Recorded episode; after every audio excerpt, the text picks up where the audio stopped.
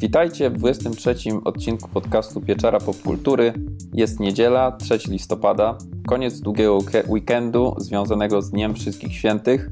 Razem ze mną na tym nagraniu jest dzisiaj Czechu. Hej, hej. I Badziu. Cześć. E, to co? Zbliża nam się powoli koniec roku, który zaczął się rokiem świni, według chińskiego horoskopu, ale mnie osobiście wydaje się, że zakończy się on rokiem wilka. Co o tym sądzicie? No, zdecydowanie zakończy się rokiem wilka i to nie byle jakiego, bo rzeźnika z Blaviken. No, ale w, w, rozumiem, że pijesz do ym, zwiastuna Wiedźmina, tak? No tak, w zasadzie do dwóch, dwóch filmów o Wiedźminie, które się ukażą w końcu tego roku. No, jeśli chodzi o ten pierwszy, czyli ten od Netflixa, no to ja muszę powiedzieć, że czekam bardzo po tym zwiastunie. Naprawdę mi się bardzo podoba zwiastun. Wręcz jestem zachwycony tym, co zobaczyłem, bo ja, że tak powiem, bardzo lubię książki. Nie do końca nie skończyłem gry, jak wiecie, jeszcze, więc nie jestem gdzieś tam zmazany. Yy tutaj wizerunkiem Geralta i wizerunkiem całego świata Wiedźmina z gry, więc y, no mi się bardzo podoba to, co zobaczyłem. I właściwie to tyle. Czekam z niecierpliwością. Paradoksalnie akurat to, co chyba najbardziej w tym trailerze się rzuciło w oczy, to scena, która jest znana z gry, bo chyba przynajmniej to tyle, ile ja wiem, A. to w książce się nie pojawia, mianowicie scena z wanną. A no tak, też jakby zauważyłem to i Zastanawiam się, czy faktycznie w książce nie było żadnego takiego momentu, w którym, e, w którym Geralt gdzieś tam mógł w jakiejś łaźni być albo coś w tym rodzaju. Była scena z jednego opowiadania, yy, opowiadania właśnie z tym złotym smokiem, w, perfidnym złotym smokiem, tak, z naszego wspaniałego serialu. Była, ale była to scena, w której yy, Geralt nie siedział sam, bo w tej łaźni towarzyszył mu Borch Trzykawki i dwie zerikańskie dziewczyny, więc okay, ta scena konkretna, którą tutaj widzieliśmy, no jest generalnie wzięta z gry, tak. Czy no okej, okay, no jeśli chcą się wzorować na, na grze, jeśli uważają, że to jest, jest y, dobra rzecz, to, to niech się wzorują, chociaż no z jednej strony jest to trochę słabe, co nie, bo same wizerunki na przykład postaci, to że Geralt jest tutaj no zrobiony tak na dobrą sprawę postacią Henry'ego Cavilla, który jest no, takim e, przystojnym facetem, nazwijmy to z idealną szczęką, który wydawałoby się może nie, nie pasować trochę do roli Geralta, to ja uważam, że to jest fajne, w sensie, że ten Geralt nie jest taki posiniaczony, obliźniony po prostu i zniszczony życiem. E, pewnie go zniszczą w serialu, jak się domyślam. No ale zobaczymy. Czy ja akurat właśnie jedyną rzeczą, która mnie nie pasuje w tym właśnie zwiastunie do Wiedźmina jest właśnie e, twarz Henry'ego Cavilla, czyli Geralta Henry'ego, e, ponieważ no Geralt z tych książek miał jednak tam, mówiąc wprost, no, zakazaną mordę, a Henry Cavill jest po prostu sympatyczny, jak się na niego patrzy. I dziwisz się, dlaczego oni nie lubią tak tego Geralta, dlaczego no, paskudny tak mówią o nim zawsze w książce, a dostajesz takiego Henry'ego Cavilla. No ale to jest tylko, prawda, taka moja, nie wiem, opinia związana z książkami, bo jeżeli chodzi o cały zwiastun, no to mi się też podobał, e, jeżeli chodzi o powiedzmy jakąś tam scenografię, kostiumy, zdjęcia.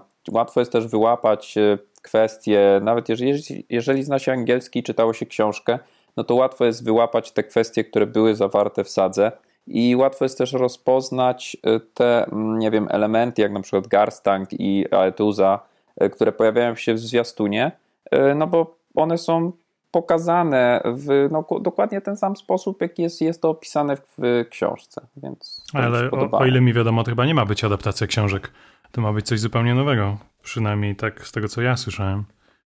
Mm, ani a nie miało być przynajmniej początku, no bo występuje tam Ciri, to miasto, które płonie w zwiastunie, no to jest y, rzeź Cintry, na pewno. Tak, tak, to na 100%. No być może, nie wiem. No, chyba, że, chyba że pójdą po prostu w inną stronę, bo nie wiem, czy słyszeliście o tym, ale to oni zapowiadają, że tego ma być 7 sezonów, czy coś takiego. Tak, no, dokładnie. Znaczy prawdopodobnie 7, tak? W sensie takim, że zobaczą przygotowanego materiału podobno mają na 3 sezony, a co będzie dalej, to wszystko zależy od tego, w jaki sposób y, potoczy się no, popularność tej, tego pierwszego sezonu. Mało tego, podobno aktorzy mają już pod koniec roku kręcić kolejny sezon, więc to też jest dosyć fajna rzecz, w sensie przyłożyli się do tego i, i mają jakiś plan na to.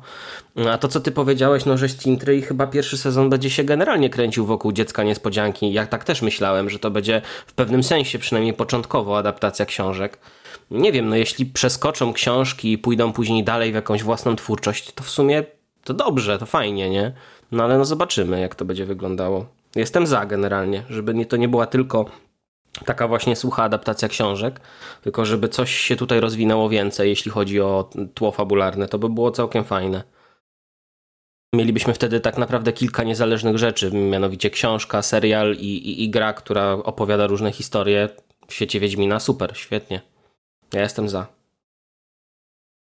Czy mi akurat by pasowało, gdyby zrobili adaptację tego, tego głównego pięcioksięgu, yy, który tam opowiadał o właśnie Geralcie i, i Ciri od początku do końca, żeby pojawiły się, pojawili się ci bohaterowie, którzy występowali w książce, jak właśnie Kahir, jak, e, jak Regis, e, no i na przykład no właśnie Milwa, Gueleme i tam jeszcze pozostali bohaterowie, więc mi się by to bardzo podobało, no ale jeżeli pójdą w swoją stronę, e, w zupełnie inną, dadzą coś nowego, no to też będę się cieszył. Aczkolwiek mnie osobiście bardziej, bardziej jednak, nie wiem jakby to powiedzieć, przyjazny jest ten klimat tego drugiego. Mm, drugiego filmu, który ukaże się pod koniec tego miesiąca. Nie wiem, czy zapoznaliście się z zwiastunem. Był jakiś tak. nowy zwiastun, czy to ten zwiastun, który jakiś czas temu, jakoś 2-3 miesiące e... temu się pojawił? Nie, to ten sam zwiastun. No to Tam nie było. nowego nie było z tego, co ja śledziłem.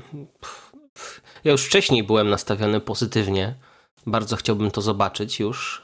E, no zobaczymy, jakie to będzie miało odniesienie do, do serialu. Mam takie nieodparte wrażenie, że taka zbieżna premiera tych dwóch rzeczy może sprawić, że e, no ten amatorski, nazwijmy to, film może zostać trochę pominięty. No ale mam nadzieję, że tak nie będzie. No, nie ma też co się oszukiwać. To jest film fanowski, więc na pewno nie będzie miał jakiegoś szerszego wydźwięku. E, przynajmniej jeżeli chodzi o ten główny nurt czy, czy serial byłby w tym czasie, czy nie. Akurat paradoksalnie myślę, że to, że serial mniej więcej w tym samym czasie się pojawi, w sensie Netflixowski, to akurat może sprawić, że ludzie bardziej się zainteresują. Ale no zobaczymy. To dalej, no, dalej będzie to produkcja fanowska, więc ci, którzy wiedzą, to, to obczają. Ci, którzy może usłyszą, to może obczają, a cała reszta nie usłyszy i nie będzie wiedzieć. No, po prostu. No my, ja tutaj się z tym zgadzam. Wydaje mi się też, że e, ten, ten film, y, czyli pół wieku poezji później, będzie bardziej znany, albo może być w ogóle znany głównie y, tutaj u nas w Polsce, no bo on jest też, ma bardziej taki, nazwijmy to, słowiański klimat. Y, jest to fantazy, które jest osadzone w średniowieczu i to widać, bo na to są stylizowane te wioski, jest wojsko, jest polski język, co nas też no, zbliża tak troszkę kulturowo do tego właśnie Wiedźmina w porównaniu, no nie jest to żaden zarzut, ale ten jednak Wiedźmin z Netflixowy tak z wizualnie wygląda troszeczkę jak randomowy świat fantazy, a ten Wiedźmin, którego tutaj tworzą fanosko, którego tworzą jednocześnie troszeczkę na podstawie, e, znaczy może nie na podstawie, ale biorąc pod uwagę elementy z gry wideo, jest tam idealne odniesienie na końcu tego trailera, E, do, do Azure Legacy, jak jest właśnie po, po angielsku e, ten podtytuł. E, więc wydaje mi się, że to jest taki, taki nasz polski Wiedźmin, a ta premiera tego Netflixa to jest taki światowy Wiedźmin, bym powiedział. Tylko, że znowuż wracamy do tej słowiańskości Wiedźmina i wydaje mi się że tutaj, że konsensus jest taki, że to to gry wykreowały słowiańskość Wiedźmina, a nie, nie twórczość Sapkowskiego. Ja też nie przypominam tak. sobie, żebym czytając te książki, chociaż to było lata temu i tak naprawdę pięcioksięgu nie skończyłem, to ja nigdy nie odebrałem tego jakieś ultrasłowiańskie fantasy. To zawsze było po prostu high fantasy. Z, oczywiście z pewnymi tam, pewnym unikalnym podejściem Sapkowskiego, ale, mm, ale tej słowiańskości to, to nigdy ja tam nie wyczytałem. No ja też tak no bo... uważam. Znaczy, no, to jest jakby bardzo duże uproszczenie mówiąc o, o książkach szczególnie, że to jest, że to jest książka podparta jakimkolwiek słowiańską, jakąkolwiek słowiańską mitologią, która de facto nie istnieje, ale okej, okay, to już nie chcę wchodzić tutaj w szczegóły. Mm, a co do gry, no gra jest słowiańska, gra ma te elementy, gra na nich bazuje tak na dobrą sprawę i to jest fajne, tak? To jest coś, co odróżnia książkę od gry właśnie to, że y, możemy się pochwalić taką bardziej słowiańskością i polskością, ale no właśnie mam taką cichą nadzieję, że serial trochę to zmieni, w sensie mm, będzie bardziej zbliżony do książki, że nie powielą tych schematów, które były w grze, bo nie wiem na ile oni też jakby chcą tutaj jakby to powiedzieć, wzorować się na grze, bo tak jak ty mówiłeś o tej scenie z wanną, no mam nadzieję, że to nie będzie, nie będzie zbyt dużej zżynki, jeśli chodzi o grę, bo to, to źle, to bardzo niedobrze, jeśli robimy coś takiego i robimy to w taki wtórny sposób. Mi się wydaje, że na pewno nie będzie, no bo tam jest Sapkowski, który, prawda, ma gdzieś gry wideo, mimo że podczas ostatniej jakiejś konferencji stwierdził, że jest mistrzem gier wideo, chociaż nigdy w nie nie grał. Takiego mistrza właśnie nam potrzeba. Tak. E, oni tam podkreślali, że to jest na podstawie, że scenariusz jest pisany na podstawie książek. Mi się wydaje, że ta że to, że on akurat siedzi w tej bali, e, to jest po prostu przypadek, no bo tak powiedzmy wyglądały te łaźnie, nie? Pewnie chwilę wcześniej tam były jakieś dziewczyny z Geraltem, zakładam, patrząc na niektóre z tych scen z tego trailera, więc tutaj mi się wydaje, że właśnie zbieżność tego jest zupełnie przypadkowa. No ale generalnie panowie co, czekacie, nie czekacie, jak to z wami jest? Bo tutaj pogadaliśmy sobie chwilę o tak, takich naszych obawach, o naszych e, tutaj, nie wiem, opiniach na ten temat, ale no powiedzcie tak wprost, czekacie? Ja czekam. Ja Bardzo. Jestem, jestem ostrożnie optymistyczny. O, a podoba mi się to optymistyczny. To ostrożnie wykreślimy najwyżej, czy, czy wytniemy, czy coś. Ale ja akurat się zgadzam tutaj z Dawidem, bo ja mam tak samo, przynajmniej odnośnie tego Netflixowego Wiedźmina, że pojawi się, to obejrzę, ale nie chcę się nastawiać jakoś na nie wiadomo co, bo to różnie może być z tym. E, natomiast ten fanowski, no wiadomo, to jest fanowski film i myślę, że jest zrobiony też z taką pasją większą troszeczkę nie chcę ujmować tej pasji tym, nie wiem, scenarzystom czy osobom, że tak powiem, pracującym przy produkcji e, Netflixowego Wiedźmina, ale wydaje mi się, że tutaj będzie powiedzmy więcej takiego, no, takiego swojskiego klimatu i to na pewno. Na to czekam. Zresztą e, wsparłem też ten projekt, jak, jak jeszcze był na samym początku, e, zbierał, e, zbierał fundusze, e, to więc na pewno go obejrzę, a Netflixowy, no no okej, okay, będzie, zobaczymy, zobaczymy jak będzie. Tak jak przy każdej grze wideo, no najpierw zobaczymy recenzję, a potem pogramy. No nie, no ja oczekuję obydwu tych tworów, zobaczymy jak to będzie wyglądało, ale jestem bardzo optymistycznie nastawiony, także tutaj w odróżnieniu od was czekam i, i cieszę się, że, że będziemy mieli taką fajną końcówkę roku. No tak. Yy, fajną końcówkę roku, dużo filmów się tych pojawi o Wiedźminie. No ale dostaliśmy też e, niedawno zapowiedzi tak naprawdę sporej ilości gier, ponieważ e, oprócz tego, że mieliśmy Święto Zmarłych tym, na tym weekendzie, e, no to kończy się również w Stanach Zjednoczonych BlizzCon, czyli impreza poświęcona gier Blizzarda, podczas której no, dostaliśmy solidną dawkę informacji. Blizzard się postarał, odrobił zadanie domowe. Nie wiem, czy świat mu trochę wybaczył, ale o tym już mówiliśmy na poprzednim podcaście. E, w każdym razie, co tam się pojawiło fajnego na Bliskonie? O, pojawiły się same fajne rzeczy, przynajmniej jak dla mnie, ale no najważniejszą chyba rzeczą e, było to, co usłyszeliśmy na samym początku, czyli e, zapowiedź Diablo 4. Tak, tutaj jest miejsce na fanfary. Tak. Pojawiło się Diablo 4, pojawił się no, utrzymany w takim klimatycznym klimatycznym klimacie, jej, e, trailer, zwiastun, taki cinematic e, mm, The Power of the Tree, czy jakoś tak. We trzech e, kroczą po polsku, tak. Tak, e, podczas której mieliśmy okazję zapoznać się z prawdopodobnie ostatnim bossem e, tego dodatku, którym będzie Lilith, czyli ta taka pramatka pramatka Nefalemów chyba, jeżeli dobrze, dobrze kojarzę. Mhm. Znaczy to Lilith jest generalnie według tutaj loru Sanktuarium córką Mephisto, e, czyli pana nienawiści. Ona jest córką nienawiści, tak przynajmniej tutaj się na nią mówi. No i w sumie jest jedną ze stworzycielek Sanktuarium, zdaje się, tak? No bo to ona stworzyła Nefalemów razem z Archaniołem Inariusem. Więc... E, sam lore, wydaje mi się, jest to usprawiedliwione wybranie jako głównej antagonistki tutaj i to mi się w ogóle bardzo podoba, bo ile razy można tłuc tego Diablo biednego, po prostu jego już mi jest szkoda po prostu. Tyle gier, tyle razy wciry, że tak powiem, dostał, no nie, no to już, już czas na kogoś innego. Mm, I to jest fajne. To jest fajne, bardzo pozytywne i ten zwiastun z Cinematic, o którym mówisz, jest tak doskonały, jest tak świetny, e, tak fajnie poprowadzony, mroczny, wciągający, że tak powiem, trzymający w napięciu. To jest tylko 9 minut, mówię o tym, jakbym, jakbym oglądał po prostu półtora godzinny film, ale nie, no to jest świetne po prostu, to jest cudowne jak dla mnie.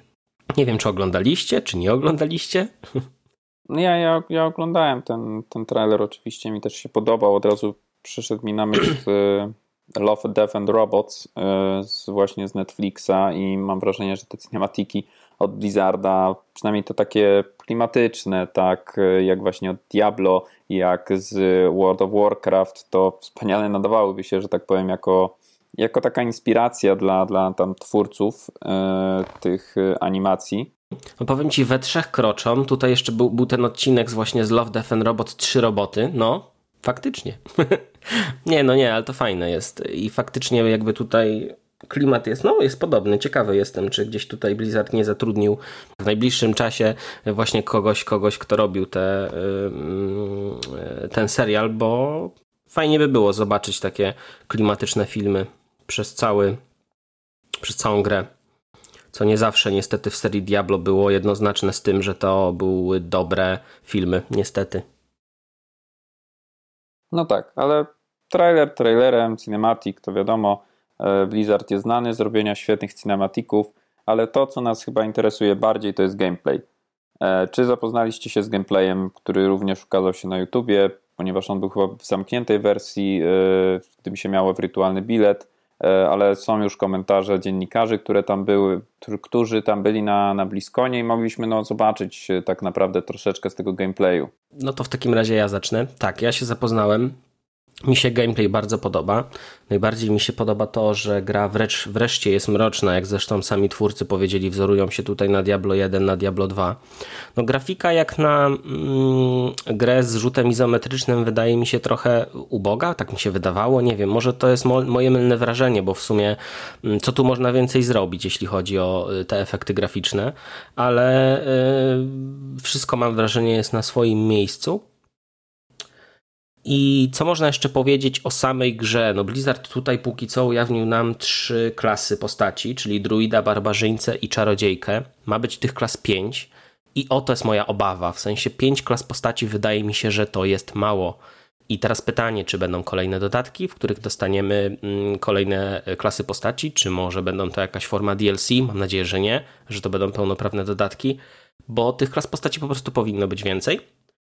Prócz tego y, ma być pięć regionów, po których będziemy podróżowali i z tego, co yy, powiedzieli, będziemy mogli po nich podróżować dowolnie, czyli fabuła będzie nieliniowa, tak na dobrą sprawę. Nie wiem, jak to będzie działało w, w kontekście mechanicznym, czy yy, będą, będzie jakieś skalowanie wrogów, yy, skalowanie poziomów. Nie mam zielonego pojęcia, ale brzmi to super, w sensie takim, że no każdy będzie mógł grać tak, jak jemu się podoba. I to mi się wydaje fajne.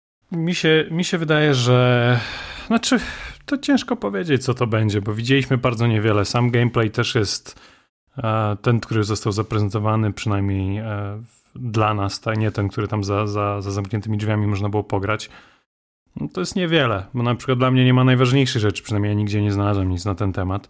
Jak wygląda rozwój postaci, jak będą wyglądają umiejętności, e, no bo o to tak naprawdę chodzi w hack and slashach w ten model, który był w Diablo Trójce, był niezły, ale już mocno starzejący się. Więc pytanie, co oni zrobią tutaj? Jeżeli coś podobnego, no to okej, okay, to, to, to, to mnie nie przekonuje generalnie. Druga rzecz, która, która, która mnie zastanawia i trochę niepokoi, to właśnie ten świat. E, bo dzisiaj też, dzisiaj, wczoraj zasadniczo też czytałem o tym, że te, te wszystkie plotki na temat tego, że, że Diablo 4 będzie kolejnym tutaj looter shooterem, to też w New Fantasy, to nie były takie kompletnie z palca wyssane, bo pewne elementy z Destiny najwyraźniej Diablo przejmie. Między innymi e, ten persistent world, czyli po prostu świat, który, który wszyscy będą eksplorować w miarę jednocześnie, w sensie nie tylko ty grając single player, czy, tam, czy ty i grupa znajomych grając w koopie, mm, ale tak jak, tak jak to w Destiny jest, tak jak to jest w większości MMO, ten świat będzie po prostu cały czas jakby aktywny dla wszystkich graczy jednocześnie, więc można wejść w obszary, które już zostały wyczyszczone, można wejść w obszary, których potwory ewidentnie wymagają większej grupy graczy do ich pokonania, czyli coś na zasadzie powiedzmy jakichś dungeonów czy rajdów, e, chociaż to jeszcze nie do końca zostało potwierdzone i nie wiemy jak, jak to dokładnie będzie wyglądać. No i dla mnie to jest niby ok, bo no coś nowego w tej serii, a Diablo, jakby nie patrzeć, jeżeli chodzi o formułę, to się mocno zestarzało i tak jak ostatnio mówiłem na podcaście, hack and slashe są jednak dosyć niszowe, więc coś trzeba z tym zrobić, jeżeli to ma e, wrócić do głównego nurtu. No ale z drugiej strony to jeżeli to będzie po prostu kolejne memo, bo w tym kierunku się zbliżamy, no to, to ja pas raczej, bo nie bez powodu nie gram w MMO. E, więc e, jeżeli zrobią z Diablo MMO albo coś w stylu właśnie mocno looter shootera, e, to, to może być słabo. W sensie, jak to się, pytanie, jak to się właśnie odbije na tym doświadczeniu dla pojedynczego gracza, jak to się odbije dla, na, na koopie. No i oczywiście, jak to zostanie zmonetyzowane, bo jak Destiny jest zmonetyzowane, no to wszyscy, wszyscy widzieli do tego stopnia, że, że przecież w Destiny były jakieś przewały polegające na manipulowaniu e, doświadczeniem zdobywanym za questy, tak żeby zmusić ludzi do kupowania lootboxów. Więc co będzie tutaj? No, myślę, że może być podobnie, znając Activision Blizzard. E, wiesz co, jeśli chodzi o monetyzację, to też jakby, jakby porównanie do Destiny no jest właściwie trafne, tylko ja bym jednak bardziej trzymał się z gier stricte blizzardowych, czyli tego jak to wygląda w Overwatchu, w Hearthstone'ie, w Heroes of the Storm choćby i wydaje mi się, że no Blizzard nie pójdzie tą drogą, w sensie może zrobią jakiś Season Pass, Battle Pass albo zwyczajnie mm, jakąś inną formę lootboxów, ale jeżeli to będzie wpływało w jakikolwiek sposób na rozgrywkę, w sensie tak jak ty mówisz, nie wiem, zdobywanie punktów doświadczenia, no to wtedy ja też spasuję, mimo że czekam na tą grę niesamowicie wręcz znaczy, bym powiedział. Wiesz, mówisz, że Blizzard tak. tego nie zrobi, a Diablo 3 wystartowało jak wystartowało z płatnym tak, Action House'em. ale no to prawda, ale zmienili to, prawda? Więc jakby tutaj no, ten no. nacisk graczy miał wpływ y, i no znaczy wiesz co, znaczy, no bo znaczy, wydaje mi się po prostu, że mając te gry, które oni już mają w swoim portfolio i biorąc pod uwagę to, w jaki sposób one są zmonetyzowane, to wydaje mi się, że nie powinniśmy się bać, póki co, tego, że gra będzie pay to win, że tak powiem, tak? No, nie wiem. Znaczy, szczerze, szczerze, nie musi być pay to win, żeby być, żeby być kompletnie broken, jeżeli chodzi o monetyzację, przynajmniej ja tak to widzę.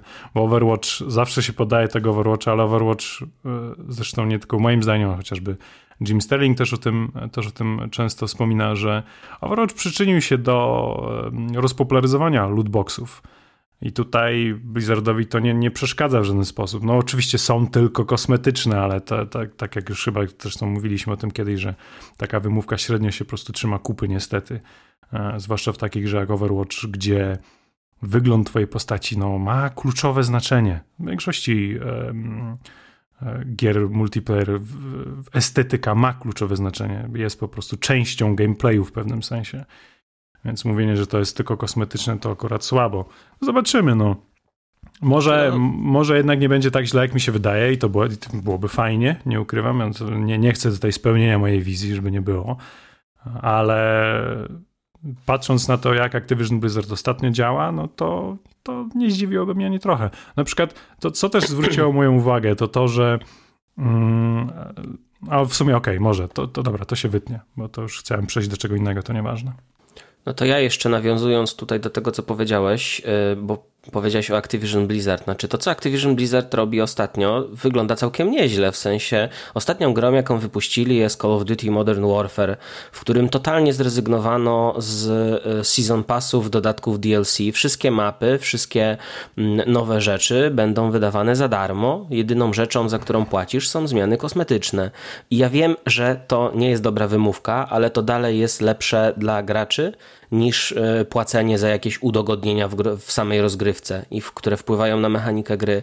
Więc sądząc po tym, jakie oni ostatnio decyzje podejmują, to mam nieodparte wrażenie, że ktoś tutaj się nauczył na błędach e, własnych, bo e, prawda jest taka, że jeżeli wyjdzie Diablo, które będzie wymagało nie wiadomo jakiego nakładu środków dodatkowo, oprócz tego, że za grę będziesz musiał zapłacić pewne ogromne pieniądze, no to nikt z tego nie będzie zadowolony. No przypominam Battlefronta dwójkę, przypominam tutaj mm, Shadow of War, to były gry, które po prostu dostały później e, taki negatywny feedback ze strony graczy, że musiało to zostać zmienione. I dokładnie tak samo było w przypadku Diablo 3, więc no, jeśli chcą podejmować złe decyzje, to niech je podejmują, tylko będą się musieli liczyć z tym, że tym razem e, myślę, że nikt, jeśli chodzi o fanów Blizzarda, im tego nie wybaczy po prostu. Więc dlatego ja jestem, nie mówię, że tak nie będzie, bo może być tak jak mówisz, ale wydaje, czuję się z tym bezpiecznie, że tak powiem.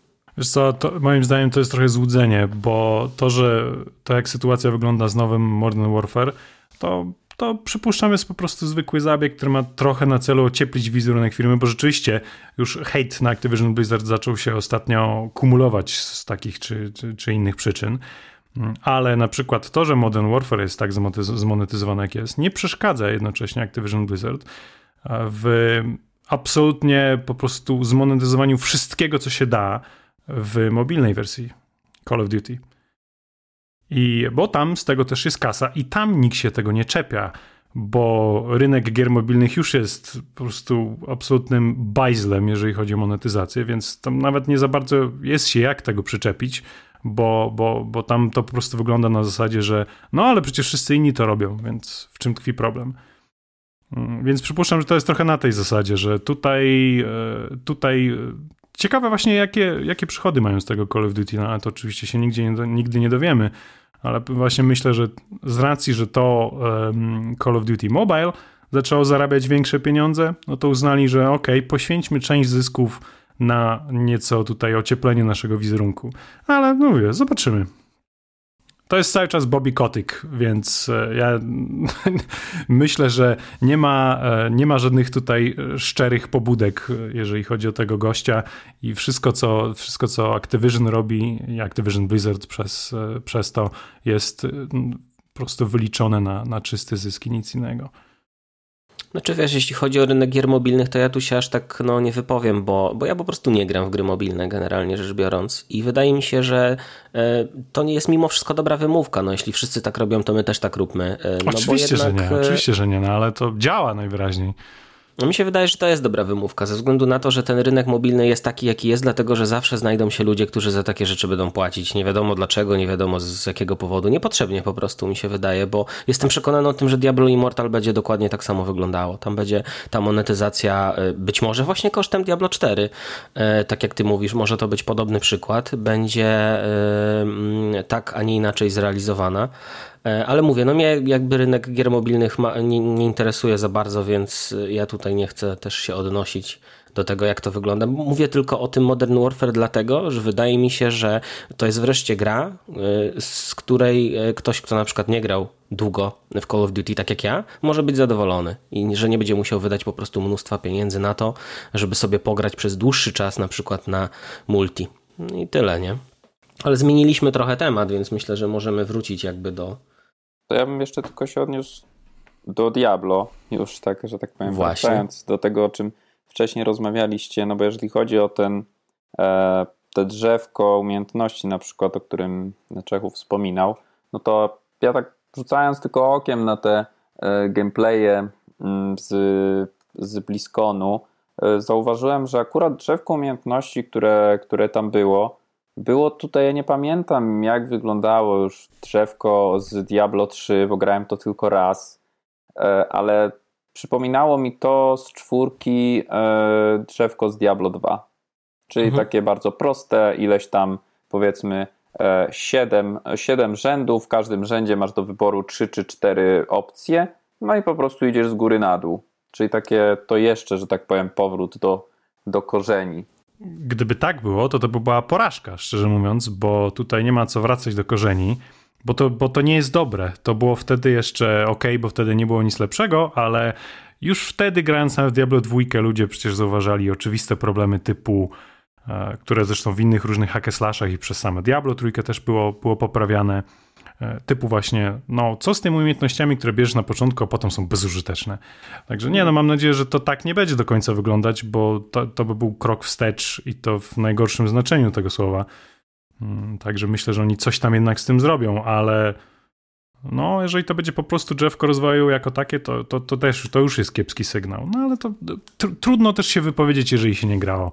Dopiero no tak. tak. naprawdę jak pojawi się, pojawi się e, ta gra albo jakieś demo albo cokolwiek, chociaż na demo bym akurat nie liczył, to, to, to wtedy można się rzeczywiście przekonać, jak to wygląda po, po paru godzinach rozgrywki. No tak, mhm. tam jeszcze y, widziałem, nie wiem co to było, ale chyba był, na pewno było to drzewko, czyli takie, od razu łatwo było rozpoznać co to jest, ale był też jeszcze jakiś inny system, nie wiem, czy jakiś system run, czy system jakiejś dodatkowej, dodatkowej energii, to też nie wiem, czy to jest dobre rozwiązanie, żeby dawać na przykład dwa, trzy różne systemy rozwoju y, do, do gry. Czy nie lepiej taki jeden mocno rozbudowany, no może nie aż tak jak w Path of Exile, bo jak ja to zobaczyłem po raz pierwszy, no to po prostu głowa mała, tylko czytać poradniki. Mhm, znaczy wiesz co, tak, jakby odnosząc się do tego, co powiedzieliście, bo Zaraz po tym, jak był zaprezentowany ten, nazwijmy to, krótki gameplay, e, wyszedł ten prawie dwugodzinny ponad gameplay, na którym, e, nie wiem czy widzieliście, może nie widzieliście, na YouTubie tam zdaje się dwóch ludzi, którzy testowało to w, e, na Bliskonie, nagrało dosyć długi filmik i, i różnymi postaciami tutaj biegali po świecie Sanktuarium i tam właśnie można było zauważyć te drzewka umiejętności, no i one na pewno będą, bo to, to tylko nie wiadomo jeszcze w jaki sposób tak do końca one funkcjonują. Oprócz tego będzie chyba standardowy system przydzielania statystyk, czego, bo ty Soku o tym wspomniałeś, no w Diablo 3 w ogóle nie było, tak? W Diablo 3 statystyki jakby przydzielały się same wraz z rozwojem postaci, a system umiejętności polegał na tym, że te umiejętności z poziomem y, odblokowywały się samodzielnie, więc mogłeś się później sobie po prostu wybrać, która ci się podobała. W każdym bodajże mm, jakby trybie miałeś cztery, z tego co pamiętam, albo pięć. Y, ja już teraz tak nie, nie potrafię teraz sobie tego przypomnieć, bo już chwilę nie grałem w Diablo od ostatniego sezonu e, i mm, mogłeś je zmieniać e, ich właściwości runami po prostu, tak? które też się odblokowały wraz z poziomem, więc tak naprawdę rozwoju postaci nie było żadnego. Miałeś po prostu jakiś swój build, który mogłeś zrobić, a tutaj wszystko na to wskazuje, że jednak to będzie, tylko właśnie, no problem jest taki, że jeżeli to będzie tak jak w Diablo 2, no to przypominam jak to wyglądało, że właściwie rzecz biorąc miałeś trzy buildy na trzy różne drzewka, na przykład dla czarodziejki, a sensowne była tylko ostatnia umiejętność, którą później odblokowywałeś, więc tak na dobrą Spam. sprawę całą grę się grało na taksi powiedzmy, po to, żeby nie marnować punktów y, na y, te, że tak powiem, rzeczy, tylko się wbijało po prostu jeden punkcik, jeden punkcik, jeden punkcik, żeby odblokować drzewko, a później wszystko co leciało dalej, tak? No więc no to taka gra była po prostu. No tak, to, to, to rzeczywiście może być tutaj strzał w kolano. E, a jeszcze tutaj chciałem się odnieść do tego systemu otwartego świata, e, ponieważ tutaj Dawid wspominał, że e, oni mogą wprowadzić coś na zasadzie dungeonów czy rajdów, natomiast ja widziałem gameplay z takim powiedzmy motywem z otwartego świata. To jest, to jest dosyć popularne w World of Warcraft, czyli tak zwane world bossy czyli jest sobie potwór, który jest o wiele silniejszy niż takie normalne potwory. I wszyscy, którzy są obecni w tym miejscu, i może być wielu graczy, no bo WoW jest grą MMO, e, taka sama opcja jest udostępniona tutaj w Diablo, że jest gigantyczny potwór. E, na planszy znajduje się powiedzmy 20 graczy i wszyscy walczą z tym potworem, który ma swoje umiejętności, który ma różne fazy, no i z którego potem wypada jakiś epicki lód.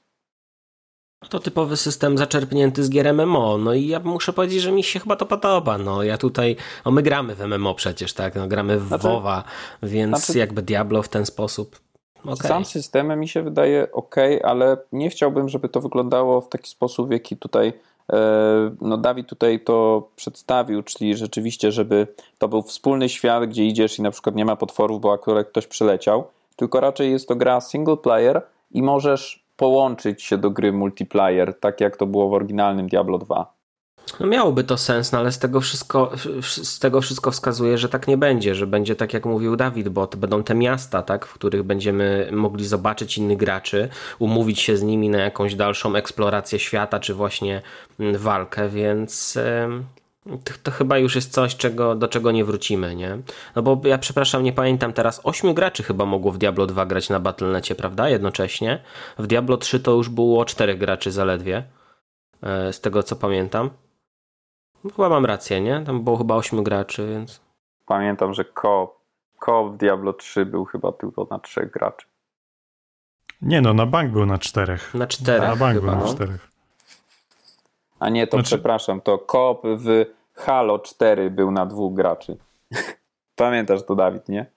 Tak, no ale to, to, to był moment, kiedy odchodziło się po prostu od couch co-opa i zresztą couch co-op zaczął przechodzić na, został, zaczął po prostu być zbierany przez indyki raczej niż przez duże tytuły, co zresztą widać po dziś dzień, bo z dużych tytułów na couch co-opie to ile jest tego na cztery graczy? Nie, nie wiem, czy nawet te Gearsy nowe są na cztery graczy na couch co-opie. Chyba jest tam jakiś couch co-op, ale, e, ale chyba też nie na cztery graczy. No cóż, no wiesz, no to tak samo było przecież z Diablo, tak jak wychodził na konsolę, to wszyscy sobie tutaj chwalili, że o, couch co-op, super sprawa. Wychodził na Switcha dokładnie ta sama sytuacja. Prawda jest taka, że nikt w to nie gra w ten sposób. Pewnie jest jakiś niewielki odsetek, procent wręcz ludzi, którzy po prostu to, w, w to grają w, w, taki sposób. To już nie te czasy, tak? No, teraz muszą być rozwinięte systemy online, takie standardowe, żeby sobie wspólnie pograć, a, to... a nie przed jednym telewizorem. Hmm. No. Także tak to wygląda. Diablo 4 czekamy. Premiera raczej nie będzie zbyt rychła, bo wszystko Jeszcze... wskazuje na to, że Blizzard tutaj, tak jak zwykle, będzie wypuszczał to latami. Nawet jeszcze nie ma tego w sklepie, bo na przykład, y, jeżeli chodzi o takiego World of Warcraft, to po, po przedstawieniu y, zwiastuna prezentującego nowy dodatek Shadowlands, y, od razu ten prezenter, ja ich tam nie znam, więc nie, nie będę powiedział, nie będę mówił kto, e, wypowiedział się o tym, że już grę możecie nabyć u nas w sklepie. I tak sprawdziliśmy na streamie, rzeczywiście pojawiła się w momencie prawda, tego streama e, w sklepie już preorder, mimo że gra ukaże się prawdopodobnie w następnym roku. I to myślę, że w drugiej połowie tego następnego roku, ale już można kupić preorder, no bo tutaj Blizzard no, pewnie trochę kasy ma z tych preorderów. No właśnie, World of Warcraft Shadowlands, nowy dodatek. Nowy dodatek, który obniży skalowanie poziomów ze 120 do 60, z tego co już zdążyłem e, wyczytać. E, no i ten cinematic z Sylvanas i Lich Kingiem, który jest doskonały wręcz.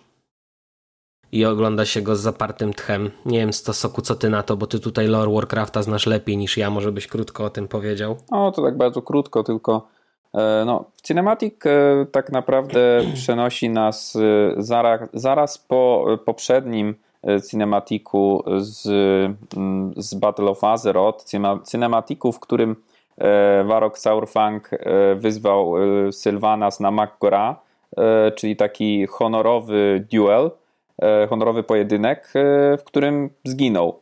E, po czym Sylvanas się ulotniła, no i nie wiadomo dokąd, dokąd poszła. Okazało się, że poszła do Ice Crown Citadel e, na tron, tron mrozu, żeby spotkać się z Lich Kingiem, którym według lore aktualnie jest e, Bolvar for Dragon. No i tam doszło do, można powiedzieć, epickiej walki, ponieważ Lich King, którego znamy między innymi z Warcrafta 3, jeżeli ktoś nie gra właśnie w World of Warcraft, był raczej taką postacią, no, takim, takim finalnym bossem, takim, taką bardzo silną postacią, której bali się praktycznie wszyscy. Całe armie ruszały na niego, na oryginalnego Lich Kinga, czyli na Artasa, e, no i nie mogły mu nic zrobić, a tutaj naprzeciwko właśnie tego, e, tego króla Licza staje tylko i wyłącznie Sylvanas, która szybko rozprawia się z całą jego armią.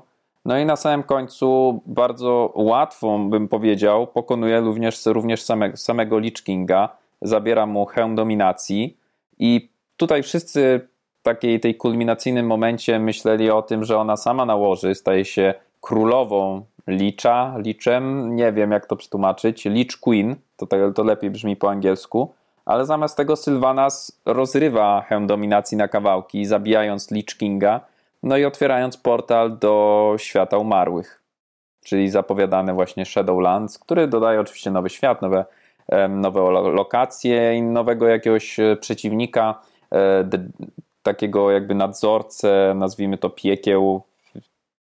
Nic tak naprawdę jeszcze o tym, o tym nie wiadomo, no ale no Blizzard tu znowu, znowu postarał się cinematikiem tym swoim, znowu zapowiedział no coś zupełnie nowego, ponieważ nie byliśmy na to przygotowani jako tutaj e, gracze, ponieważ cały wątek Battle of Azeroth, e, no, wątek, który tak naprawdę przeplata się od początku, przeplata się e, wokół tych mrocznych bogów, e, star, starszych bogów, The Old Gods, e, a tutaj dostajemy coś zupełnie, zupełnie nowego.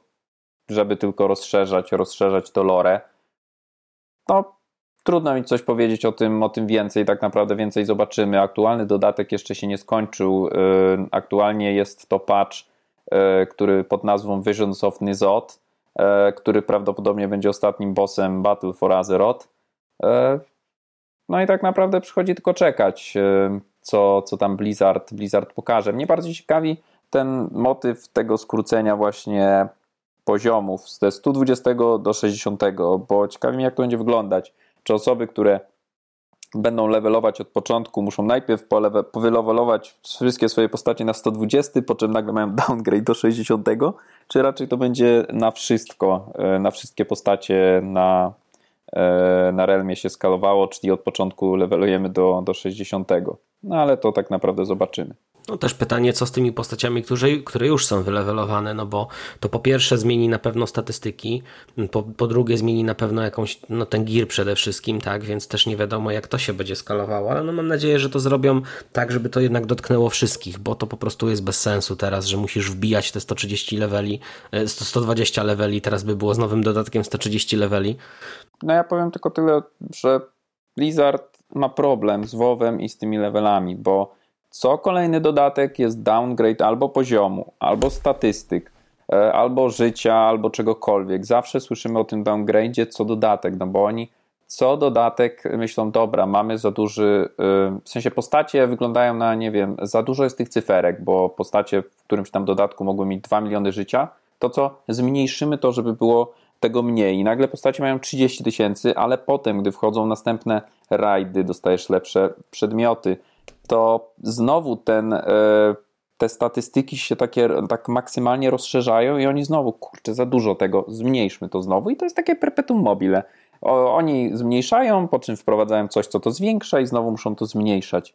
Ale nie wiem, e, gdzie jest, że tak powiem, tutaj złoty środek. Złoty środek byłby, jakby był całkowicie downgrade, czyli WoW 2.0 i lecimy od początku, a nie cały czas idziemy do góry. Albo coś innego, żeby przyspieszyć graczom możliwość grania endgame'u niż właśnie levelowania tych, prawda, setki godzin, żeby móc dobić do, do, do finalnego poziomu, jeżeli mówimy o normalnych graczach, a nie o osobach, które siedzą 12 godzin dziennie, żeby wylewać, wylevelować w 3 dni postać do 60 na klasiku. No nic dodać, nic ująć wobec tego, co powiedziałeś. No ja tylko dodam, że zajęło mi około, powiedzmy na chwilę obecną, nie wiem, prawie 50 czy 60 godzin dobicie do 75 poziomu, no, więc można sobie zadać pytanie, jeśli chcesz mieć więcej niż jedną postać i chcesz ją wylewelować do 120 poziomu, to spędzisz wiele, wiele godzin w tej grze. Dużo więcej niż byś chciał chyba to robiąc to wszystko. Ale to więc... Jest, mhm. To jest w zasadzie też troszeczkę takie, ja bym powiedział, tak można powiedzieć troszeczkę ironicznie, jest to podyktowane sposobem monetyzacji e, World of Warcraft. Tam im więcej siedzisz, tym więcej miesięcznie płacisz abonamentu, tym Blizzard jest bardziej zadowolony. To jest prawda, to jest prawda, ale też wiesz, no taki gracz jak ja, który tam, tam zaczął ostatnio po prostu ponownie grać, no ja nie jestem w stanie spędzać tyle czasu z, z jedną grą. To też dlatego teraz z, zrobiłem, zresztą ty też sobie zrobiłeś przerwę w grze po prostu. Tak. I z tym to się też wiąże, tak, że no jednak ci ludzie będą odchodzić od tej gry, bo e, powiedzmy, nie wiem, chcieliby, chcieliby już dojść do tego endgame'u, a zwyczajnie nie mogą. No wiesz, no są gry JRPG, które trwają 60, 70, 80 godzin mm, i i, tutaj ja już tyle wbiłem w WoWie, tak, mając jedną postać, więc no można ten czas spędzić lepiej. Więc mam nadzieję, że jak będzie ten 60 poziom, to w tym momencie trochę się to skróci i też będziesz miał tą progresję taką, która będzie cię zadowalała. W sensie te, każdy zdobyty poziom, zobaczysz w nim jakiś nakład twojej pracy, którą zrobiłeś. Mam taką nadzieję, ale tak naprawdę nie wiemy, jak to będzie wyglądało, więc spokojnie sobie poczekamy. No tak. A mówiąc wcześniej o tym, że Króla Licza z dodatku właśnie tego do Shadowlands e, mogliśmy kojarzyć z Warcrafta 3, no to Blizzard na, na BlizzConie ponownie podjął temat e, odświeżenia gry Warcraft 3, czyli Warcraft 3 Reforged. Co prawda nie podał premiery, ale osoby, które zakupiły już tą grę, czy osoby, które były obecne na, na BlizzConie, mogły sobie pograć już w odświeżoną wersję gry. Nie wiem, czy zapoznaliście się również z tymi, z tymi gameplayami. No ja widziałem, ja muszę powiedzieć, że mi się to bardzo podoba. Generalnie gra wygląda na odświeżoną dobrze, więc nie wiem co ty na to powiesz, bo ja jeśli chodzi o Warcrafta 3 to tak też no nie mogę powiedzieć, żebym grał zbyt, zbyt wiele. Ale no czekam chętnie, bardzo w to pogram i mam nadzieję, że tutaj y, będzie też y, oprócz samej gry dojdzie do tego te, ten wątek esportowy, będzie można te rozgrywki pooglądać, bo tak jak rozgrywki w StarCrafta 2 ogląda się bardzo dobrze, tak i mam nadzieję, że te Warcrafta trójkę będzie można sobie tutaj oglądać, bo wygląda to fajnie, dynamicznie, więc ja jestem za. Mm, ja z mojej strony nie jestem aż taki optymistyczny, ponieważ po oglądnięciu tym, tych gameplayów miałem wrażenie, że ten remaster jest zrobiony na kolanie. Oczywiście grafiki, czyli modele są zmienione na lepsze, ale to tyle, jeżeli chodzi o ich robotę, mam wrażenie, ponieważ e, UI e, jest cały czas takie same, jak było te x lat temu. E, niektóre, to, niektóre elementy wyglądają tak, że są za małe względem innych i z mojego punktu widzenia wygląda tak, jakby oni tam rzeczywiście zmieniali tylko i wyłącznie modele, a póki co robią to już, nie wiem, dwa lata, czy, czy, czy coś koło tego. I troszeczkę się obawiam właśnie tego, że zmieniona będzie tylko i wyłącznie grafika i, i animacje, a cała reszta, która jest na przykład stara i już y, no, dzisiaj może, nie wiem, niezbyt dobrze by wyglądała, pozostanie taka, jak, jak była w Warcraftie 3 i będzie taki miszmasz nowe, nowych elementów ze starymi elementami. I ta gra no, będzie do przejścia, żeby sobie zobaczyć na, na ładne nowe animacje, ale czy będzie ponownie tak grywalna jak stara część? Ciężko stwierdzić mi na tym etapie. Co, po to są te beta testy, prawda, też, żeby jakby ludzie wyłapali te rzeczy i, i jeśli będzie dobry feedback, to mam nadzieję, że to Blizzard poprawi. Znaczy, mi się wydaje, że to, że to jest to stare Wii, to, to, to dobrze chyba, bo no też nie chodzi o to, żeby tą grę nagle przerabiać, bo gdybyśmy ją jakoś bardzo przerobili, to to już nie będzie Warcraft 3, e, będzie tylko chyba fabuła wtedy się łączyła.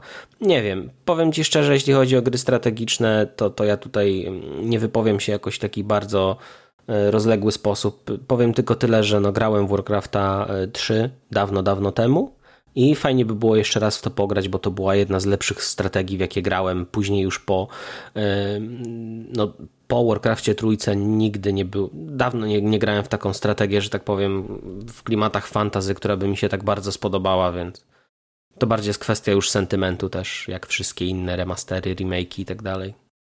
No to zobaczymy w takim razie. Nie wiem, Dawid, chcesz coś dodać? Ja, ja, w ogóle, ja w ogóle tutaj ani to nie mój temat, ani się nie orientuję nic. Nie, po prostu nie jestem kompletnie tym zainteresowany, bo, bo chętniej zobaczyłbym nowego Warcrafta po prostu niż remaster no. trójki. E, znaczy, właśnie, czy to będzie remaster, czy to będzie uh, remake? To jest też pytanie. Mnie to wygląda na remaster i to taki, mówię, sklecony troszeczkę na kolanie moim zdaniem nie będzie miało to zbyt dużego takiego, nie wiem, e, jak to powiedzieć, triumfu, zachwytu. Niestety czuję, że czuję troszeczkę po tych e, gameplayach, które są pokazane, że to będzie tylko stara gra w nowej odsłonie wizualnej i część osób i tak będzie wolało sobie pograć w starą grę, żeby sobie ją odświeżyć, niż w tą nową. Też, też jest kwestia taka, że remasterowanie, a nie remakeowanie i to jakieś konkretne RTS-ów trochę nie ma sensu. Bo RTS-y nie bez powodu też, nie bez powodu też nie ma żadnych wielkich nowych RTS-ów, na które wszyscy by się rzucali, bo ten gatunek został wyparty po prostu przez moby. Więc robienie remastera tylko to jest takie, okej, okay, no dobra, to wyciągnięcie ręki do, do fanów trójki, którzy chcieli zagrać sobie z lepszą grafiką, ale generalnie poza tym, jak rozumiem, nic więcej. Nie? W sensie to nie jest coś, co ma zebrać jakąś szerszą, e, szerszą publiczność. No okej, okay, no to pewnie ma sens z punktu też widzenia mm, finansowego, no ale no, do mnie to kompletnie nie przemawia, bo E, bo po prostu no, RTS-y się zestarzały. Ja nigdy też nie miałem takiego wielkiego sentymentu do trójki. E, wiem, że tam ludzie sobie strasznie zachwalali fabułę i tak dalej, ale jakoś nigdy w to nie wsiąkłem. Trójkę grałem tylko dlatego, że była, była popularna i w, wtedy była, była gameplayowo fajna, no ale dzisiaj to już nie bardzo. No tak, zwłaszcza jeszcze tak właśnie, ja mam wrażenie troszeczkę, że no Blizzard tutaj stosuje taki niefajny zabieg przy tym Warcraft 3, bo w momencie ogłoszenia e, prac nad e, wersją Reforged Blizzard usunął ze swojego sklepu wersję Warcrafta 3, tą starą i można ją obecnie nabyć tylko i wyłącznie wtedy, gdy kupujesz wersję Reforged. I to mi się bardzo nie podoba, szczerze mówiąc, bo jest takim troszeczkę wymuszeniem. Jesteś fanem Warcrafta 3, fajnie, ale musisz kupić naszą nową grę, żeby pograć swoją starą grę. No i to też nie wróży nic dobrego, moim zdaniem. A no ja na szczęście mam klasycznego Warcrafta na, na Battle.necie. Kupiony dawno, dawno temu. Te klucze można było sobie dodać jakiś czas temu do, do właśnie do Battle.neta i pobra, pobierać te klasyczne gry jak się podoba, więc no ale to faktycznie to jest zabieg, który jest bez sensu po prostu. Szczególnie, że jeśli chcesz pograć w Warcrafta teraz, to tego nie zrobisz, ponieważ musisz poczekać, aż wyjdzie trójka. Trójka, która była zapowiedziana rok temu, u której dalej niewiele dostaliśmy. E, więc no trochę to trwa w przypadku Blizzarda niestety, jeśli chodzi o te premiery gier, więc nie wiem, czy my coś dostaniemy tutaj więcej w ciągu roku czy dwóch. Nie wydaje mi się. No zwłaszcza, że Blizzard teraz się jednak skupia na swoich y, nowych, starych IP, czyli na przykład na drugiej części Overwatcha 2. Drugiej części Overwatcha 2, tak. No właśnie, to, to, to, trochę mam wrażenie zaskoczenie jednak, ponieważ będzie to osobna gra tak na dobrą sprawę. Ja się tutaj spodziewałem czegoś w rodzaju e, tego, co zrobił Epic, czyli rozdziału drugiego na przykład, który, miał, który w jakikolwiek sposób rozwinąłby tą grę. Dostaliśmy osobną grę, która co prawda będzie miała połączony tryb wieloosobowy, zdaje się. Nie wiem, jak to będzie funkcjonowało, bo wydaje mi się to dziwne, biorąc pod uwagę to, że chyba grafika w Overwatchu 2 jest jednak poprawiona trochę, prawda? Więc nie wiem, jak tutaj. Niewiele. No właśnie nie wiem, jak to na mechanikę wpływają takie rzeczy, to, ale to już by trzeba było um, poczekać po prostu. No tak, zostało, zostało zapowiedziane, że Overwatch 2 będzie zupełnie nową grą, że będzie miało nowe tryby takiej walki PvE, czyli na przykład, e, ja bym to nazwał pchaniem wagonika, e, bo to jest jakiś tam tryb push, czyli przejmujemy kontrolę nad jakimś robotem, potem bronimy go, systemy misji, E, system e, rozwoju postaci, czyli jak bardzo levelujemy daną postać, to możemy jej odblokować e, nowe umiejętności, co pozwoli może troszeczkę tak zrobić grę bardziej różnorodną, gdzie różne postacie, nawet jeżeli będą to te same postacie bohaterów, będą miały różne umiejętności. Natomiast jeżeli chodzi o właśnie ten tryb PvP, czyli ten klasyczny Overwatch, no to i mapy, i postacie, i gracze mają mieć wspólny matchmaking, niezależnie od tego, czy jest to gracz Overwatcha 1 czy Overwatcha 2. I mam troszeczkę takie wrażenie, że e, w przypadku takiego rozwiązania Overwatch 2 będzie oferował graczom głównie content PvE. Jeżeli ktoś e, lubi grać przeciwko komputerowi, czy lubi robić właśnie misje z przyjaciółmi, no to będzie właśnie gra dla niego. Natomiast jeżeli ktoś lubi tylko i wyłącznie ten content PvP, y, no to nie musi kupować Overwatcha 2, może zostać przy Overwatchu 1, y, ponieważ ta pula graczy grających w multiplayer się nie zmniejszy, bo będzie połączona. No, z jednej strony tak, mam wrażenie, że ta zapowiedź Overwatcha 2 i to właśnie, że będzie ten e, tryb PvP mm, połączony spowoduje, mam taką nadzieję, powrót e, graczy po prostu do tej gry, bo jednak czasami się czeka na ten matchmaking, szczególnie na konsolach dosyć długo. Mm, ale ja tutaj nie jestem taki, znaczy ja, generalnie bardzo się cieszę, że ta gra wychodzi, bo ten tryb kooperacyjny to może być naprawdę coś takiego, co, czego w tej grze nie było, na co czekamy, na co, w co byśmy mogli pograć. Wreszcie, yy, dobrze zrobionego. Ale dalej martwi mnie to, jak oni to jednak połączą. To, że te mm, przedmioty wszystkie zdobyte się przeniosą, to jest w porządku, tylko tak naprawdę mi to nie jest potrzebne, więc jakby nie zwracam na to uwagi. E, większej, ale martwi mnie, jak to będzie wpływało na rozwój Overwatcha 2 właśnie, bo e, jeżeli na przykład będzie miała wyjść jakaś nowa postać, to co, to będziemy ją musieli dodać i do jedynki i do dwójki, jak rozumiem, tak? Jakby no będzie podwójne... To może być dziwne trochę. Wydaje mi się, że będzie, oni będą mieli dwa razy więcej roboty, bo może to być podwójny development. E, może być tak, że aktualizacja taka jak w przypadku Fortnite'a 2 nie była możliwa, pod tym względem, że na przykład Overwatch 2 może używać innego silnika zupełnie niż Overwatch 1 i wtedy aktualizacja tego oryginalnej, oryginalnej gry wiązałaby się tak naprawdę z tym, że usuwają ci z dysku całkowicie tamtą grę i ściągasz całkowicie nową grę. Może tego też nie, nie chcieli tutaj robić. No moim zdaniem lepsze to by było, gdyby to była aktualizacja, bo no, na razie cała baza graczy to są gracze e, Overwatcha i w przypadku, gdyby Blizzard powiedział, że no mamy tutaj dla was nowy content, ale musicie go wszyscy kupić, e, a jak ktoś go nie kupi, no to sorry, ale się wypinamy, no to, to byłoby też piorowe dno znowu dla, dla nich. E, no i generalnie podoba mi się pomysł. Obawiałbym się tylko tego, że w pewnym momencie, tak jak mówisz tutaj, Badziu, że y, musimy robić dwa razy robotę i może się tak zdarzyć, że ten, ten, to wsparcie dla starej wersji gry się skończy w pewnym momencie no musi, musiałoby się skończyć, nie? Bo to, co na przykład ty powiedziałeś, że Overwatch 2 może mieć inny silnik gry, no to przepraszam, jak będziemy grali z graczami Overwatcha 1, nie? No nie wiem, to, to jest coś, czego ja nie pojmuję póki co, ale mam nadzieję, że Blizzard zrobi to dobrze.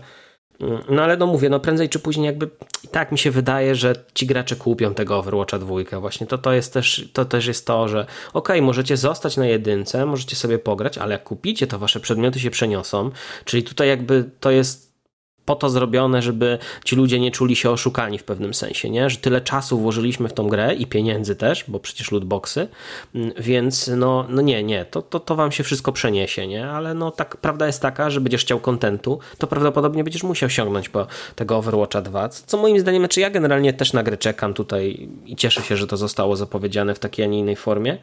Mm, a zmieniając trochę temat, Powiem jeszcze tylko tyle, że e, jeśli nie widzieliście z jakiegokolwiek powodu, to wejdźcie sobie na polski mm, profil e, Overwatcha na YouTube i tam macie polską wersję e, zwiastuna Overwatcha 2, czyli on się nazywa Godzina Zero i to jest bardzo fajny zwiastun, jakby w sensie ten cinematic jest świetny. Tak jak na, na, temat każdego cinematika na tym odcinku podcastu mówię, że jest świetny, ale ten też jest świetny, więc musicie koniecznie to zobaczyć. On jest bardzo klimatyczny w drugą stronę, w sensie, że jak Diablo 4 był takim mrocznym filmem, to ten jest śmieszny, jest zabawny. Pojawiają się stare postacie, które jeżeli gracie w Overwatcha, no to znacie i kochacie, nazwijmy to w ten sposób, ze swoją osobowością się pojawiają tam w, w tej grze, z kwestiami, które wypowiadają w grze. No i naprawdę mi się również świetnie ogląda e, ten trailer. Widziałem go w wersji angielskiej, widziałem go w wersji polskiej. Polska wersja podoba mi się bardziej, bo w polską wersję Overwatcha gram. Ostatnio właśnie przesiadłem się z PlayStation na PC-ta. E, no i ja również tutaj czekam na tego Overwatcha 2, ponieważ jeżeli wszystko, co do tej pory, do tego czasu zbieram na PC mi się przeniesie, to będę bardzo zadowolony mieć możliwość pogrania w, w koopa, w jakieś misje, w jakąś ten content PvE, ponieważ cisnąć też ciągle i ciągle w koło i w kółko e, te walki PvP to pewnym, po pewnym czasie po prostu się nudzi. I potrzeba takiego no, odświeżenia, dodania większej ilości kontentu, zwłaszcza, że Overwatch, czy tam bardziej Blizzard, poprzez właśnie cinematiki, poprzez takie krótkie animacje poświęcone bohaterom, bud zaczynał budować lore tego świata, nie dając grze praktycznie nic. No, to jest prawda. Zawartość i content w grze jest mniejszy niż lore całego świata Overwatcha. To jest, to jest takie, to jest dziwne, bardzo dziwne. No ale cóż, no teraz wszystko na to wskazuje, że rozwój gry będzie większy, przez to właśnie, że będziemy mieli tryb e, PvE, nie? Więc no zobaczymy, jak to będzie wyglądało. No tak.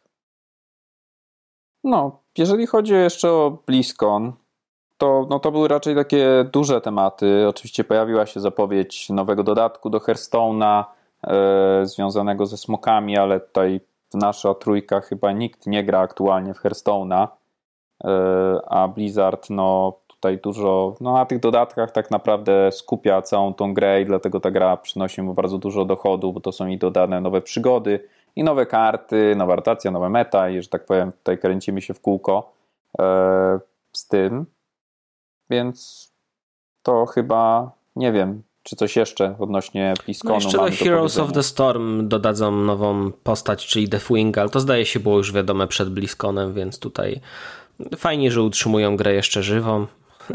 I to chyba podsumowanie. Hotsa będzie najlepsze w tym przypadku.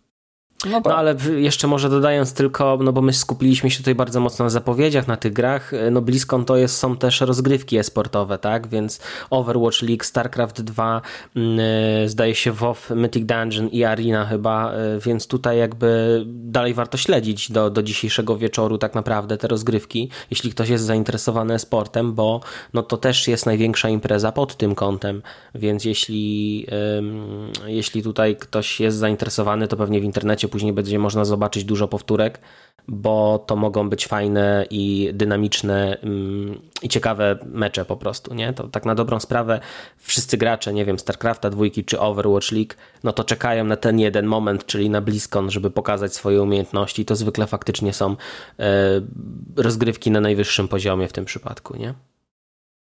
No tak. No ale to chyba tym pozytywnym akcentem zakończymy temat BlizzConu by przejść do naszego stałego segmentu, czyli takiego krótkiego grzybobrania, na które przygotowałem nam na dzisiaj e, trzy małe pytanka e, związane z trzema różnymi tekstami e, kultury.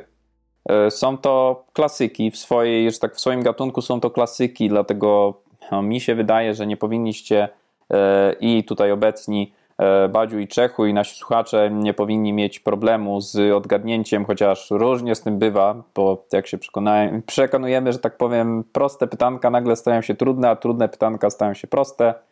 No, ale w Właśnie razie... to miałem powiedzieć też, że tak. ja już się boję po prostu tego, co ty zrobiłeś tutaj. W każdym razie są to dwa pytanka związane z plikami, znaczy związane z e, fragmentami dźwiękowymi i jedno pytanie opisowe.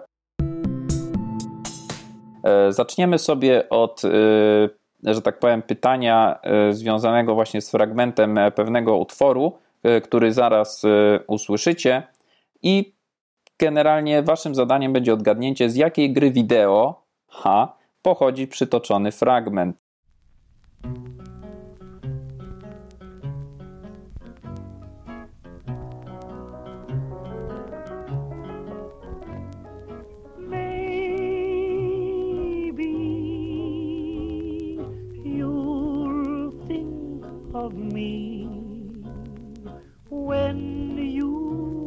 Are all alone.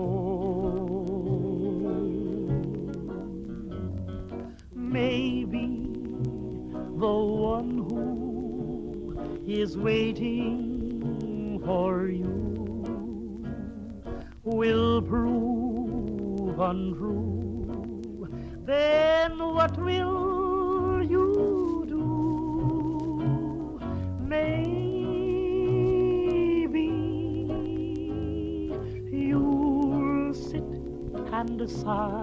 No, to jest. E, znaczy, jestem prawie pewien, że to jest muzyka z któregoś Fallouta, chyba z czwórki, ale tutaj nie jestem, nie jestem do końca pewien. Może to jest z którejś poprzednich części. E, to jest ta muzyka z tego, e, z tego radia, którego mogliśmy sobie posłuchać, które zresztą mnie osobiście, przynajmniej w czwórce, okrutnie chwyciło. Nie spodziewałem się, że muzyka z tych lat tam 20., 30., 40., bo to mnie chyba mniej więcej ten okres, tak, tak może chwycić jeszcze, jeszcze dzisiaj, ale no, tak, tak, tak myślę, że to to, ale no, mhm. może się a, mylę. A może kojarzysz, jak się nazywa ta piosenka? Nie, nie, słuchałem ich na Spotify też, ale e, jakoś nigdy nie, nie zarejestrowałem tych nazw. No to tak, e, ja dałbym sobie rękę uciąć, ale pewnie po podcaście będę chodził bez ręki w takim razie, że to jest fragment z gry Fallout, ale nie wiem z jakiej części. Nie mam zielonego pojęcia, ale tak mi się wydaje, że to jest Fallout. Mm, Okej, okay. a czy kojarzysz jak się nazywa ta piosenka? Mm, nie wiem, to jest jakiś, jakieś intro, tak by mi się wydawało, ale mm, nie kojarzę niestety. Okej, okay. tak jak mówię, to było pytanie takie rozgrzewkowe, więc w zasadzie oboje zgadliście. Oczywiście to jest intro z Fallouta, a konkretnie jest to intro z Fallouta 1 e, z pierwszej części gry. E, a piosenka, no tutaj można było zgadnąć w zasadzie, bo jest to piosenka, która nazywa się Maybe z zespołu The Ink Spots z roku 1940. Wow, okej. Okay. No nie, nie można było tego zgadnąć. No nie, no, znaczy... To było, to było niezgadywalne, Soku. Ona też jest w Falloutie czwórce, tak na marginesie. Aha. Także też tak mi się wydawało, że na bank ją słyszałem w czwórce, bo jedynki bym nie kojarzył, bo jedynki nigdy nie grałem w gruncie rzeczy. Grałem tylko w dwójkę i w trójkę. No i w New Vegas oczywiście. No ja znowu w czwórkę nie grałem, ale to jest tak bardzo falloutowe i to od razu słychać, że, że to musiało być to, dlatego jakby tutaj moja odpowiedź była taka, a nie inna. A to w takim razie małe sprostowanie, to y, jakby autor był niezgadywalny dla mnie. Nie, no to to było takie raczej e, dodatkowe, dodatkowe pytanie, jeżeli ktoś jest aż takim znawcą, żeby po prostu pamiętać to, e, ale z drugiej strony troszeczkę wymaga się od tego od znawców podkultury, za jakiego troszeczkę was uważam. No ale przejdźmy tym sposobem. Ale tylko troszeczkę. tak. Przejdźmy tym sposobem do zadania drugiego, to będzie również zadanie dźwiękowe. Przytoczę Wam tutaj e, fragment e, filmu, a Wy będziecie musieli odpowiedzieć na pytanie, jaką scenę przedstawia ten przytoczony fragment. Get that thing hooked up to the car. Watch this. Yeah, okay. Got it.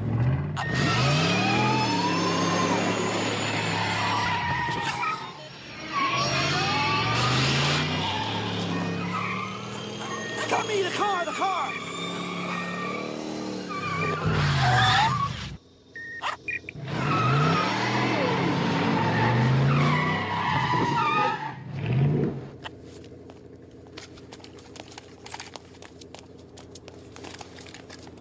My calculations are correct.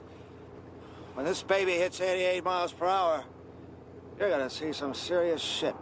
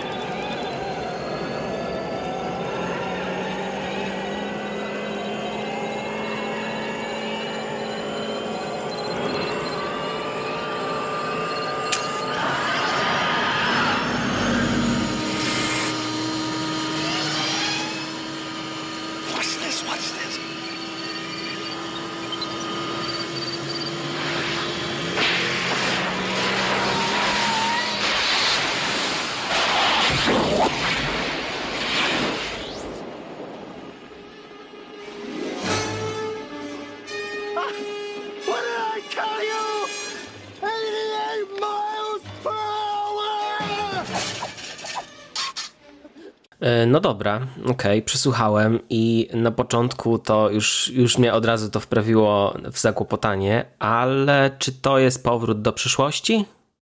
Tak, jest to powrót do przyszłości, ale jaka jest to scena? Oj, to da, bardzo dawno temu oglądałem ten film i to nie jest mój konik. Ja wiem, że to jest tutaj w takiej e, naszej nerdowej e, krainie jakby polecany przez wszystkich film, ale to, no mówię, nie mój konik, nie mam zielonego pojęcia. Kojarzę tylko dlatego, że po prostu usłyszałem e, przez moment tekst o no, kilometrach i, mhm. i głównego bohatera i to dlatego właściwie mi się skojarzył. Tak to bym nie wiedział, co to jest. Okej, okay. a czy pamiętasz może, jak nazywali się aktorzy wcielający się w główne role Martiego McFly'a i Doka? Nie. nie, nie pamiętam. Naprawdę, nie pamiętam. nie mam zielonego pojęcia. Okej. Okay. E, myślę, że to jest e, z powrotu do przyszłości. Ale co prawda, to nie pamiętaj której części, bo ja zwykle, jeżeli wracam, to wracam tylko do pierwszej. Hmm. Mm, a pozostałych już raczej nie oglądam, one trochę mniej mi się podobały, e, ale no, jestem prawie pewien, że to powrót do przyszłości. E, a kojarzysz może scenę, czy nie? E, jeżeli miałbym strzelać, no to musiałbym strzelić, że to jedynka, więc to mógłby być tam przynajmniej z tych takich szczątkowego dialogu, który nam się pojawia, to wydaje mi się, że to jeszcze sam, sam początek jakby, kiedy oni dopiero opracowywują ten um, tego DeLoreana, tak, którym potem zamierzają, zamierzają podróżować w czasie.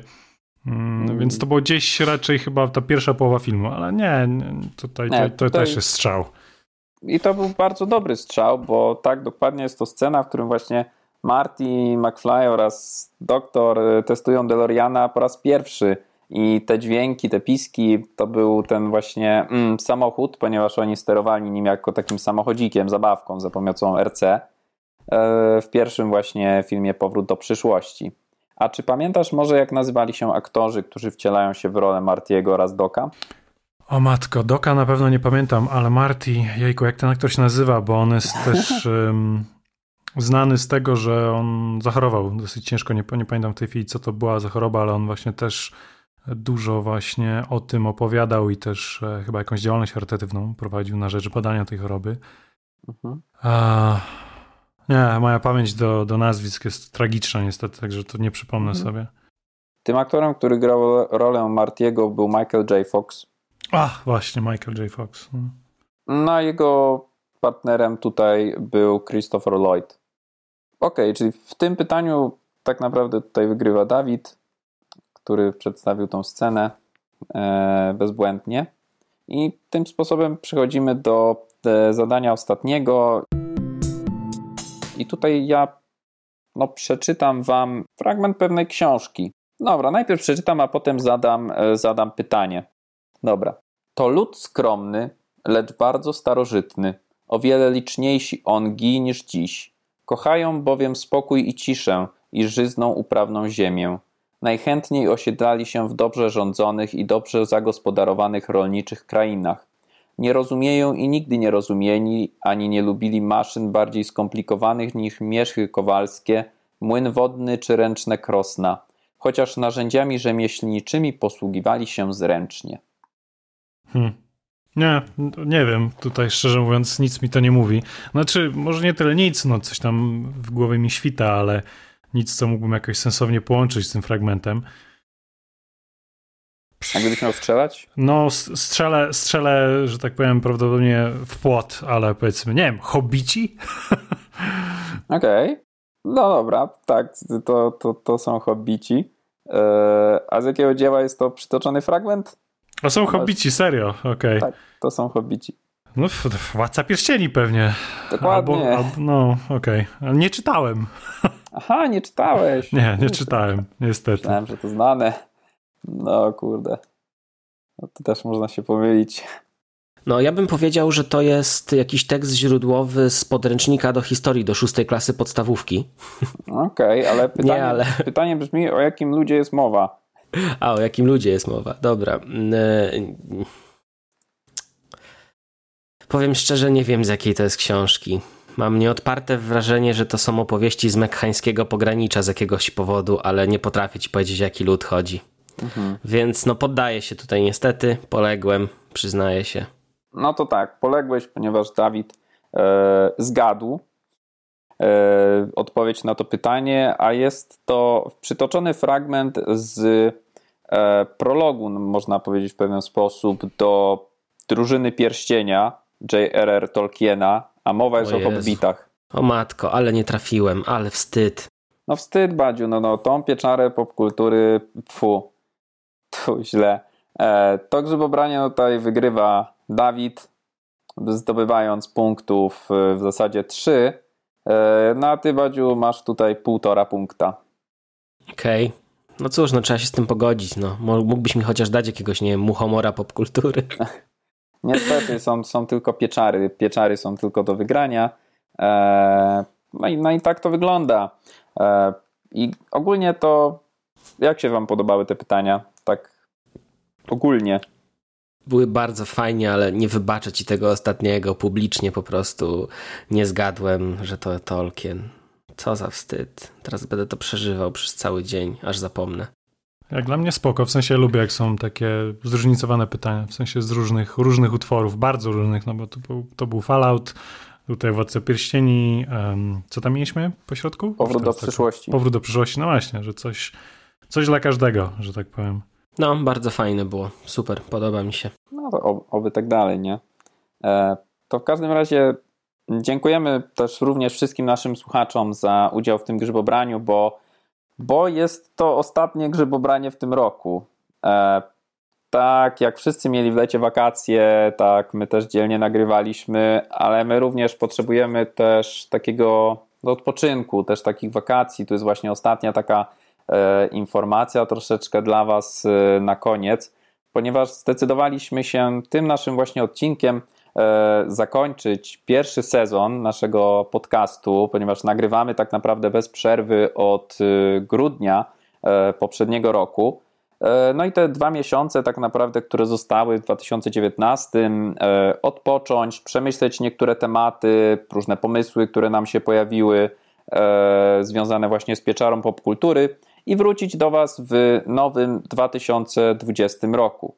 Nasze portale społecznościowe oraz YouTube będą cały czas aktywne, także serdecznie zapraszamy do ich odwiedzenia. Na nóż znajdziecie tam jakieś zwiastuny, zwiastuny zwiastunów drugiego sezonu pieczary popkultury. No dokładnie. Nie żegnamy się, po prostu mówimy do usłyszenia. No, także trzymajcie się gorąco, bądźcie zdrowi, no i do usłyszenia. Żegnają się tutaj Czechu. No, trzymajcie się. Padziu. Cześć i pamiętajcie, żeby w grudniu obejrzeć Wiedźmina. Tak. Oraz ja, Mario. Na razie.